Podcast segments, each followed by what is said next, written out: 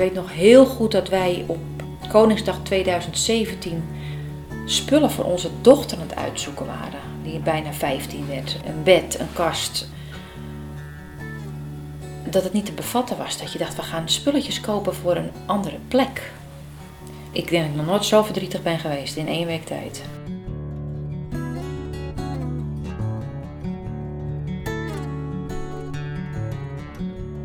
Ik ben Edith Raap. Ik geef les in ouderbegeleiding aan de Hogeschool Utrecht en doe promotieonderzoek naar levend verlies. Ik ben Minke Verdonk. Ik ben moeder van een zoon met een lichamelijke beperking en ouderbegeleider. En ik ben Irene Sies. Onder de naam Gewoon Irene blog ik over de alledaagse dingen in mijn leven als moeder van vier kinderen. We maken samen een podcast over levend verlies. We voeren gesprekken met ouders, naasten en zorgverleners. Levend verlies. Steeds terugkerende gevoelens van verlies, verdriet en rouw van ouders met een kind met een beperking of chronische aandoening.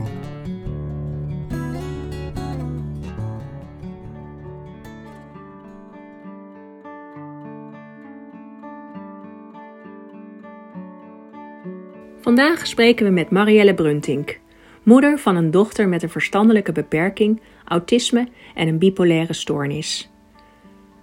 Marielle is ook verpleegkundige op de afdeling verloskunde en gynaecologie van het Rode Kruis ziekenhuis in Beverwijk. We praten over haar gevoel van verlies omdat haar dochter voor haar gevoel veel te vroeg uit huis ging. Maar ook over hoe die verlieservaring een inspiratiebron voor haar werk werd. Marielle stelt zich voor. Nou, ik ben Marielle Bruntink. Ik ben uh, 49 jaar. Ik ben getrouwd met Pieter en wij hebben drie kinderen. Eva van 19, Tijn van 17 en Cas van 14. En Eva is een zorgintensieve jonge dame ondertussen. Zij heeft het uh, Phelan-McDermott-syndroom. Zij mist een belangrijk eiwit op het chromosoom 22. En dat uit zich in uh, autisme, een heel laag niveau. En de afgelopen jaren heeft zij ook een bipolaire stoornis ontwikkeld. En uh, op haar veertiende jaar ging ze uit huis. Ja. En kun je daar wat over vertellen? Nou, dat was de moeilijkste stap ooit in mijn leven. Dat je de zorg moet overdragen aan iemand anders. En dat voelde als falen, maar vooral als heel veel verdriet. En um, het ging als zand door onze handen.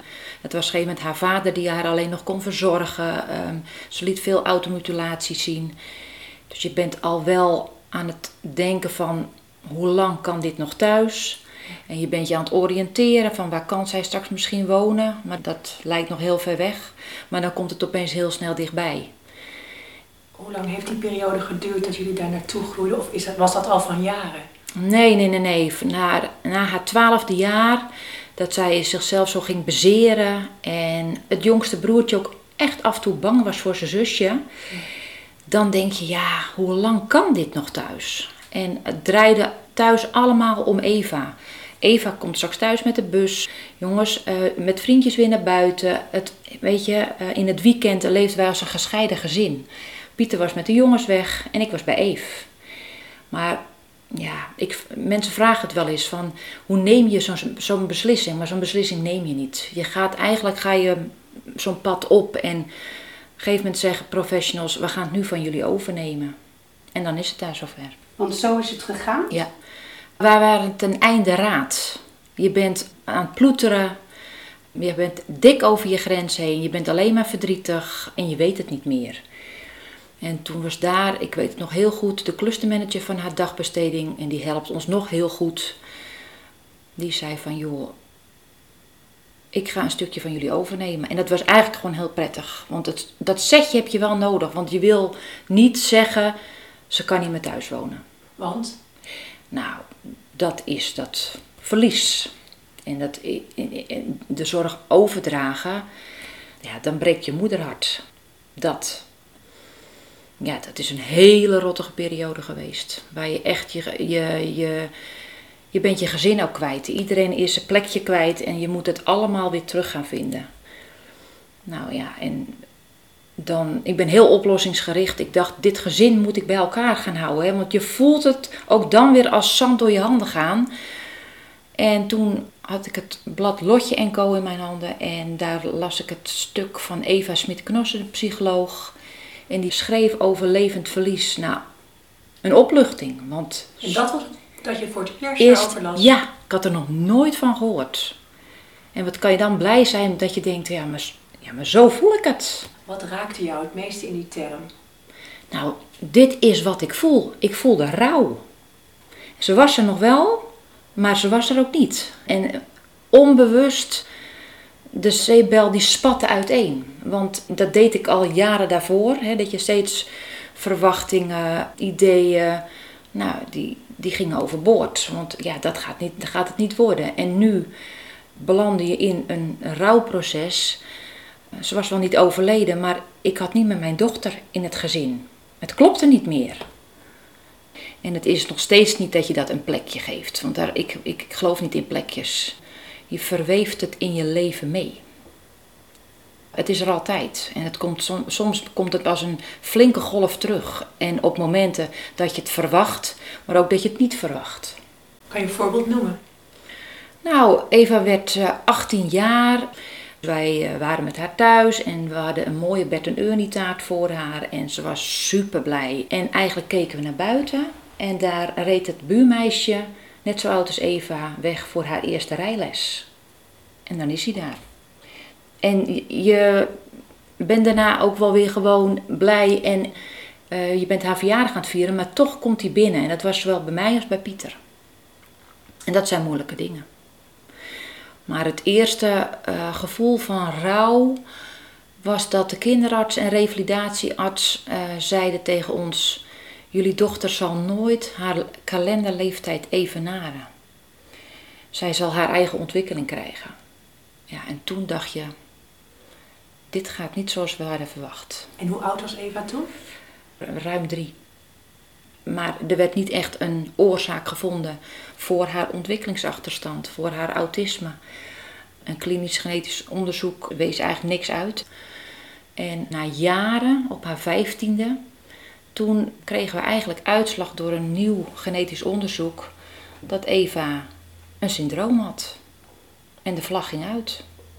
Wij waren eigenlijk hartstikke blij. Ik heb eigenlijk alle jaren gedacht dat Eva zo was door mijn eigen toedoen. Want ik had in haar zwangerschap, het was geen gemakkelijke zwangerschap, met hartritmestoornissen, met medicatie. Dus ik heb eigenlijk altijd gedacht dat door stress, door het stresshormoon, haar, haar hersentjes niet goed ontwikkeld waren. Of ik heb ook nog wel gedacht, eh, Eva heb hele hoge koorts gehad na de eerste inenting, dat ik dacht dat komt daardoor. Je denkt van wat, wat heb ik fout gedaan? En dat heb ik eigenlijk 15 jaar gedacht. Tot die dag dat de AVG-arts zei van nou, we hebben de oorzaak gevonden van haar retardatie. Nou, we geloofden het gewoon niet. Nou, ik ben die AVG-arts die toen tegen ons zei van zullen we nog één keer een genetisch onderzoek doen, daar ben ik, die ben ik nog heel dankbaar.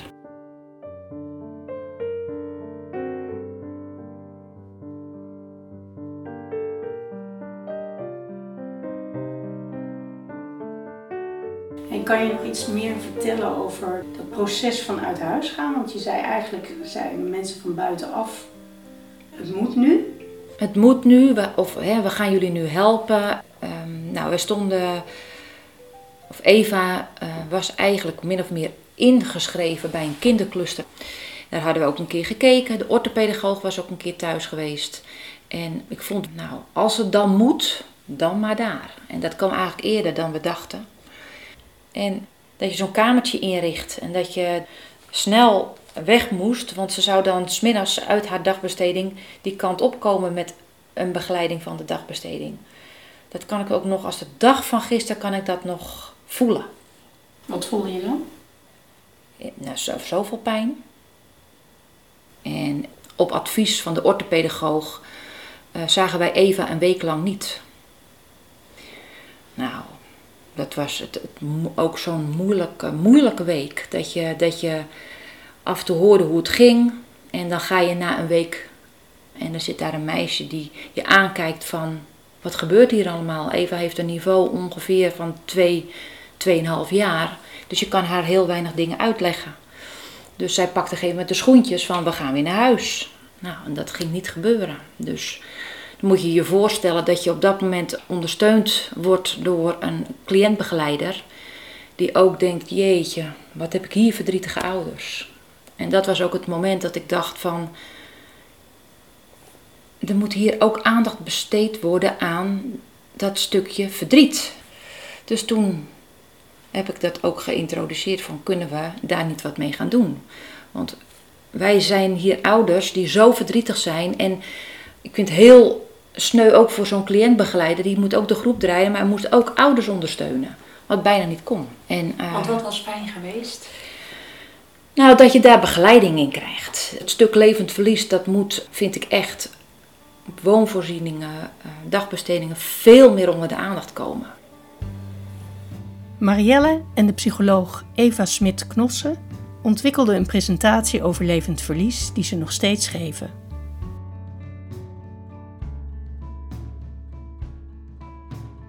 Je noemde al een paar voorbeelden van levend verliesmomenten. Was voor jou dat uit huis gaan, was dat sterker dan andere momenten? Ik bedoel, hoe was dat voor jou? Ja, dat even uit huis ging, dat was echt de moeilijkste stap ooit. En dat, ik vind dat nog heel lastig om de zorg over te dragen. Ik, Pieter heeft wel eens gezegd van ik gun het zo dat mijn vrouw een stapje terug kan doen. Maar als ik merkte dat het op losse schroeven stond, er is een periode geweest dat er heel veel personeel wegging. Dan kwamen er weer nieuwe mensen en dan dacht ik ja, jullie moeten nu weer haar verzorgen. En ik wil eerst dat jullie haar goed leren kennen. En dan was ik daar gewoon weer. In de tijd dat Eva s'nachts wakker was, kon het team het niet meer dragen. Dus toen kwamen er s'nachts invalkrachten. En dat was natuurlijk elke keer een vreemde. Voor Eva, maar ook voor ons. En dan ging ik er s'avonds gewoon heen. Dat ik dacht van wie is er vannacht bij mijn dochter? Ja, buitenwereld die kon echt wel denken van waar ben je mee bezig? Maar het, ik had er gewoon geen rustig gevoel bij. Ik moest weten wie daar was. En uh, belangrijke highlights uh, noemen naar diegene. Dus ja, dan kan je het niet echt loslaten. En, en nu is daar gelukkig weer wat meer een plan op, is er weer wat meer stabiliteit en dan kan ik ook wel weer die stap terugnemen. Maar je kan je voorstellen als het onstabiel is op het wonen, dat het voor jezelf als ouder ook heel onstabiel is. En sowieso hoor, als het uh, met Eva niet goed gaat, merk ik dat het met mij ook minder goed gaat. Ik ben naast moeder ook nog verpleegkundige. Dus ik kijk af en toe nog met een hele andere kritische blik. En dat weten ze ook. Maar ze weten ook dat wij, zowel Pieter als ik, veel meedoen. Het samen doen. En er kwam eigenlijk nog een moment van verlies 2.0, noem ik het altijd maar.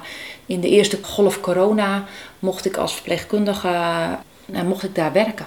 Of werken, ik noem het zorgen. Ik mocht daar gewoon uh, in dienst zijn op het uh, cluster van mijn eigen dochter. En dan ben je drie maanden daar dagelijks twee keer per dag. En ja, daar, daar kwam weer een eind aan dat ik even terugging naar het ziekenhuis. En toen voelde het eigenlijk weer zo, dat ik weer moest loskomen. Dus ja, je, dat gevoel van verlies komt echt met, nou, met golven. En toen was hij er ook heel sterk. En het lijkt me ook nog wel bijzonder als je zo ook ziet hoe anderen werken en daar van, dingen van meekrijgt. Hoe, hoe was dat? Nou, ik heb juist ook begrip gekregen. En hun vonden het eerst best wel spannend. Er kwam opeens een moeder tussen aanhalingstekens werken. Maar juist is er een mooi begrip gekomen naar elkaar. Van dat hun dingen van mij hebben geleerd en ik heb weer dingen van hun geleerd. Een kindercluster is gewoon altijd in bedrijf. Het is heel dynamisch en geen dag is hetzelfde. Dus daar leer je van. Wat leer je daarvan? Ten eerste op zo'n kinderwoonvoorziening, daar wonen kinderen met een gedragsprobleem, kinderen zoals Eva. Dus het is veel. Je moet van alles, je moet allround zijn. En de ene dag kan een kind stabiel zijn en de andere dag kan het gewoon mis zijn. Dus je moet altijd anticiperen. En dat is niet altijd makkelijk als meerdere cliënten dat hebben. Als je dat van, zo van dichtbij ziet, heb ik daar wel meer begrip van gekregen. Maar ook wel dat ik dingen heb gezien dat ik denk, dat kan anders. Dat is onder andere dat stukje Van joh, ga je wat, is, wat meer verplaatsen in die ouders. Of betrek ouders er wat meer bij in beslissingen. Dus dat heeft ook best wel heel wat uh, in beweging gebracht.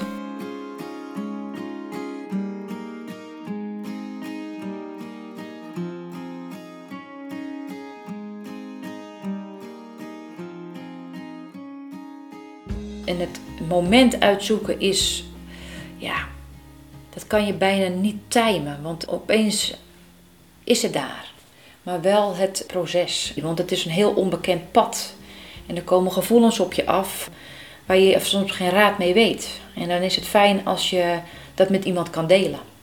Kan je nog iets meer vertellen hoe je als kinderen, een beetje algemener, als kinderen uit huis gaan, hoe je dan een ouder aan de hand mee kunt nemen? Hoe zou jij dat zelf doen? Ehm, wat ik heel waardevol vind is een huisbezoek. Dat je bij de mensen komt in hun eigen omgeving, aanvoelt van hoe is het nu? Wat heeft het kind hier? Wat is het kamertje? Wie zijn de broertjes? Dat je het gezin leert kennen. En dat je eigenlijk stap voor stap die ladder opgaat naar het bovenste stuk van daar ergens gaat het komen. En waar moet je rekening mee houden deze komende tijden? Dat zou helpen. Dat je iemand meeneemt in een proces. Alleen lijkt het me wel lastig dat je als ouder dat helemaal niet wil. En dan komt een professional bij jou, die gaat je meenemen in een proces wat je helemaal niet wil. Ja. Dus wanneer is dat moment? Hoe Ja. doe je dat? Nou, zoals wij hebben bijvoorbeeld heel veel gehad aan de clustermanager. Daar hebben we nog een hele hoop aan. Van de dagbesteding, die Eva al jaren kent. En ook de orthopedagoog van de dagbesteding kent Eva goed. Dus die mensen die gaan mee in jouw proces. En die zien de obstakels en die zien waar we mee aan het worstelen zijn.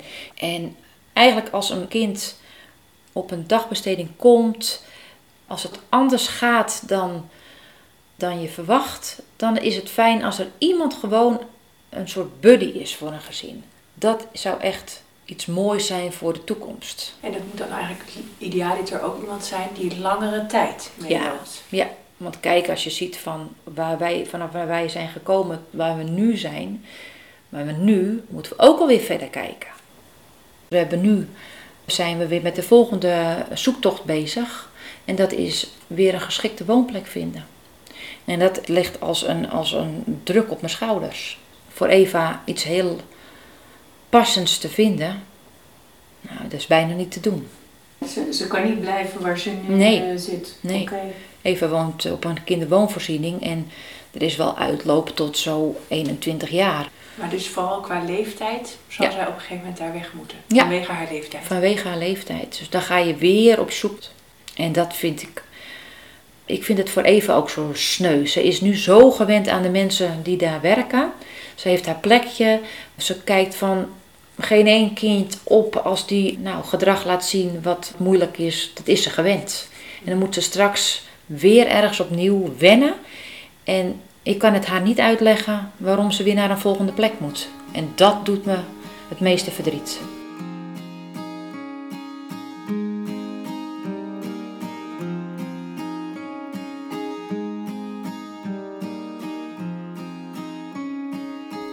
Voelt het nu dat je dochter niet meer thuis woont? Het is heel verdrietig geweest en het is nog verdrietig, maar er is wel ruimte gekomen in het gezin. Er is ruimte gekomen voor de jongens, die zich eigenlijk altijd wel aan het schikken waren, hoe klein ze ook waren. En er is ook uiteindelijk kwam er weer ruimte voor elkaar. En we zijn nu, met z'n vieren zijn we allemaal heel gek voor Eva. De jongens die zijn heel lief voor hun zus. Zijn de meest lieve broers die ze maar kan wensen. Dus het heeft ook wel weer wat gebracht.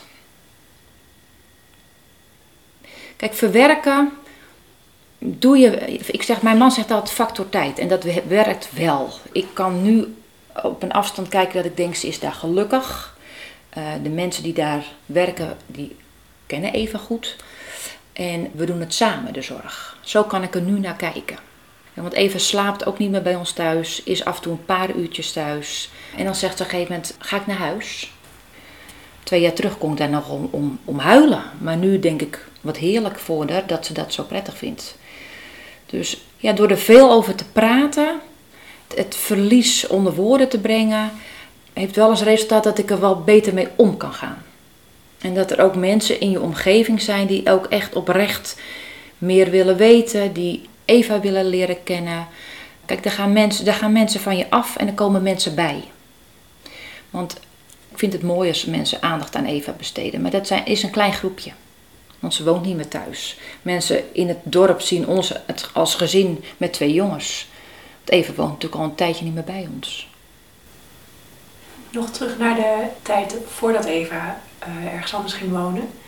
Zijn er toen mensen in je omgeving geweest, of professionals of mensen uit je eigen netwerk, waar je heel veel aan hebt gehad als het gaat om levend verlies? Ja, maar dat zijn er niet heel veel. Ten eerste kies je ook uit van waar je je, verdriet ook neerlegt. Hè? En daar, waar je ook van wel verwacht dat die je daarin kunnen ondersteunen. Maar ja, er zijn ook mensen die het ook misschien wel zelf spannend vonden of met een machteloos gevoel stonden. Hoe kan je, hoe kan je helpen? En heb je het dan over mensen uit je netwerk of zorgprofessionals? Familie, vrienden. Niet iedereen kan daar wat mee of durft je aan te spreken van hoe voelt het nou en hoe gaat het nou. Dat is ook nog best wel een stap. Mensen die wilden misschien wel, maar wisten ook niet hoe ze dat moesten doen. Een goede vriendin die gaat geregeld naar Eva, die haalt er op, die doet dingen met haar. Ja, daar ben ik natuurlijk super blij mee. Maar dat zijn niet veel mensen. Maar dat, aan de andere kant laat ik dat ook niet altijd toe. Ik wil graag mensen bij Eva hebben die haar ook kennen en die haar van de afgelopen jaren goed kennen. En het clubje om jou heen? Ik werk zelf in de zorg en dat helpt heel veel. Dan durven mensen ook te vragen. En ik zeg altijd, het is wel als tweede familie in het ziekenhuis waar ik werk. Nou, die hebben het proces ook wel van heel dichtbij meegemaakt. En daar heb ik heel veel steun van gehad. En je hebt ook nog iets met het thema gedaan binnen je werk. Ja. Kun je daar iets over vertellen? Ja. Mijn aandachtsgebied op mijn werk is de zorg voor ouders die te maken krijgen met verlies. Te maken krijgen met een verlies van een kindje tijdens de zwangerschap of rondom de geboorte. Samen met een werkgroep uh, proberen we zoveel mogelijk de dingen goed te regelen voor ouders. Ben ik aanspreekpunt buiten het ziekenhuis voor onder andere een, een kinderrouwcoach, uitvaartverzorging. Dus dat je zoveel mogelijk de dingen goed geregeld hebt voor ouders. Voor, om de zorg over te dragen weer naar huis. En eigenlijk al een paar jaar dacht ik van, maar die vergeten groep, daar zou ik eigenlijk ook wel wat meer aandacht aan willen geven. Marielle begeleidt ook ouders die een kindje willen. En bij die groep ouders ziet zij ook veel stil verdriet als de zwangerschap uitblijft. En sowieso had ik vaak de gedachte als, als ik mensen naar beneden bracht die naar huis gingen met een hoop verdriet, dat ik dacht, kon ik maar meer voor deze mensen betekenen. En dus toen ben ik daarover gaan schrijven, gaan uitdenken. Toen ben ik in het in een ziekenhuis in Maastricht heb ik op een verliespolie stage gelopen. En toen dacht ik, dit moet ik in het Rode Kruis ziekenhuis in Beverwijk ook gaan neerzetten. En ik heb daar uh, mijn plan neergelegd. En afgelopen oktober ben ik gestart met een pilot voor een verliespolie. En dat gaat eigenlijk heel goed. En dan komt het dus ook regelmatig voor dat mensen van jou de term levend verlies voor het eerst horen. Zeker, ja. Eigenlijk binnen de vakgroep heb ik de term levend verlies geïntroduceerd. En dan denken ze, levend verlies. Dus dan ga je dat uitleggen. Ja, dan worden de mensen er toch door getriggerd van, joh, ga ik maar starten. En nou, heel goed uitgepakt. Ja.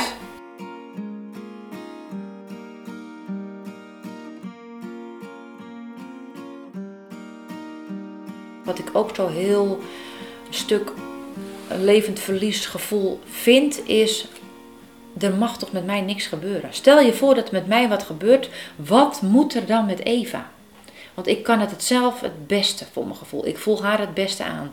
En dan is het ook altijd zo fijn dat ik een hele goede vriendin heb die Eva ook zo goed aanvoelt. En die ook altijd helemaal meegaat in het proces. Die ik altijd s'nachts kan bellen als het crisis is en die inspringt. Want dat soort mensen heb je wel nodig. Want dat geeft mij weer een beetje een gevoel van: stel je voor dat er met jezelf wat gebeurt dan is er altijd nog wel iemand die meekijkt. Dat is ook levensverlies voor jou. Ja. Die, dat gevoel Oh, van bang zijn zeker. dat jou iets overkomt. Ja, ja, zeker. Ja, vind ik een heel naar idee. En dat schuif ik ook altijd maar weg. Weet je, je hebt, je hebt wel twee jongens en dat je denkt van ja, je hoopt dat dat later, hè, dat hun een stukje zorg van ons als ouders overneemt. Maar dat moet je ook altijd afwachten. En ik geloof echt wel dat ze dat doen. Maar je, het is zo fijn als je iemand nog hebt als, als vriend, als vriendin die dat ook nog voor je in de gaten wil houden. Tegeltje? Had je nog over een tegeltje nagedacht? Ja. Komt een heel bla- blad. Maak je verdriet bespreekbaar. Dit verdriet mag er zijn. Schrijf het op. Het werkt helend. Wat ik heel veel eh, aan mensen zeg, ook er komen bij mij die bijvoorbeeld meerdere keren een vroege miskraam hebben gehad. En voor die mensen, die hadden dus ook al bewust en onbewust toekomstplannen gemaakt. En opeens, pats, als een zeebel is dat weg. En ook dat voelen mensen dat het niet altijd serieus genomen wordt door de omgeving. En dan geef ik ook wel aan, schrijf erover. Wat gaat er in jou om? Wat wil je nog opschrijven? Heb je nog een echofoto? Heb je daar een brief bij met een echofoto? Dat je het soort van kan afsluiten. En ja, ik zeg altijd, probeer je hoofd leeg te schrijven. Of vertel het, je verhaal aan een goede vriendin. Of schrijf een kaart als mensen je niet helemaal goed begrijpen. Probeer het onder woorden te brengen. En dat helpt mensen. Als je het jezelf vaak hoort zeggen, dan heb je daar gegeven een berusting in. Dat het er mag zijn.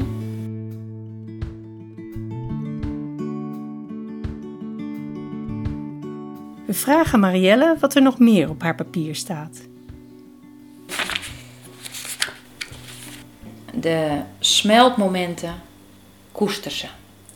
En daar wil ik mee zeggen, hè, hoe moeilijk het af en toe ook is, hoeveel zorg je ook hebt. Maar er zijn af en toe van die momenten dat je denkt, oh, een, een stap vooruit gemaakt of een mooi gesprek of een mooie ontmoeting met andere mensen. Koester dat soort momenten. Waarom is dat belangrijk? Ik kan heel erg genieten van Eva als ze zo lekker in haar velletje zit. En ik weet dat het morgen wel weer anders zal zijn, want ze gaat echt, het fluctueert enorm, haar stemmingen. En als zij echt gewoon uitgelaten en blij is en, en humor heeft wat ze zelf helemaal niet door heeft, ja, dan, dan genieten we enorm van haar. En dat laat ook wel weer wat op voor de week daarna. Als ze dan weer heel boos is en zichzelf slaat en begeleiding slaat en, en ons slaat. Dan weet ik gewoon van het gaat weer over.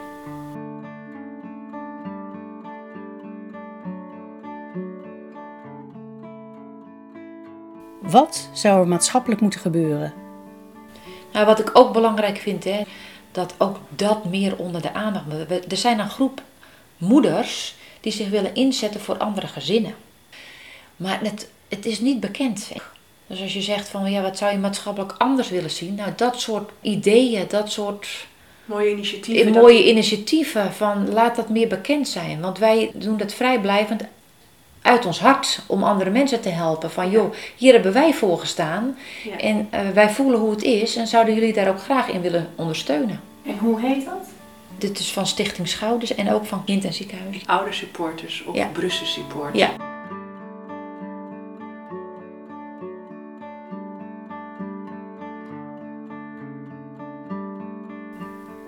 Er is nu extra aandacht voor rouw en verlies in het ziekenhuis en Marielle is heel blij dat ze dat als verpleegkundige kan doen.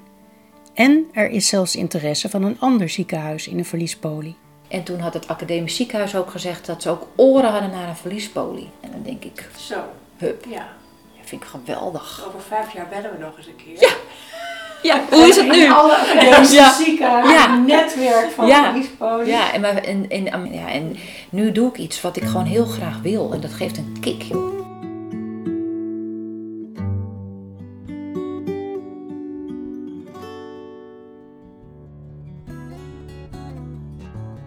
Dit was Marielle Bruntink, aflevering 29 van de podcastserie Levend Verlies. De volgende keer praten we met Alice Schippers, bijzonder hoogleraar Disability Studies. Als je dit een goede podcast vindt en wilt dat anderen de podcast ook kunnen vinden, laat dan een waardering achter. Bedankt voor het luisteren en tot de volgende keer.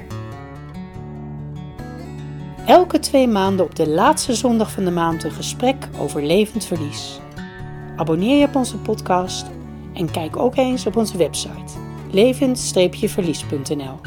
We zijn ook te vinden op Facebook en Instagram. Bedankt voor het luisteren.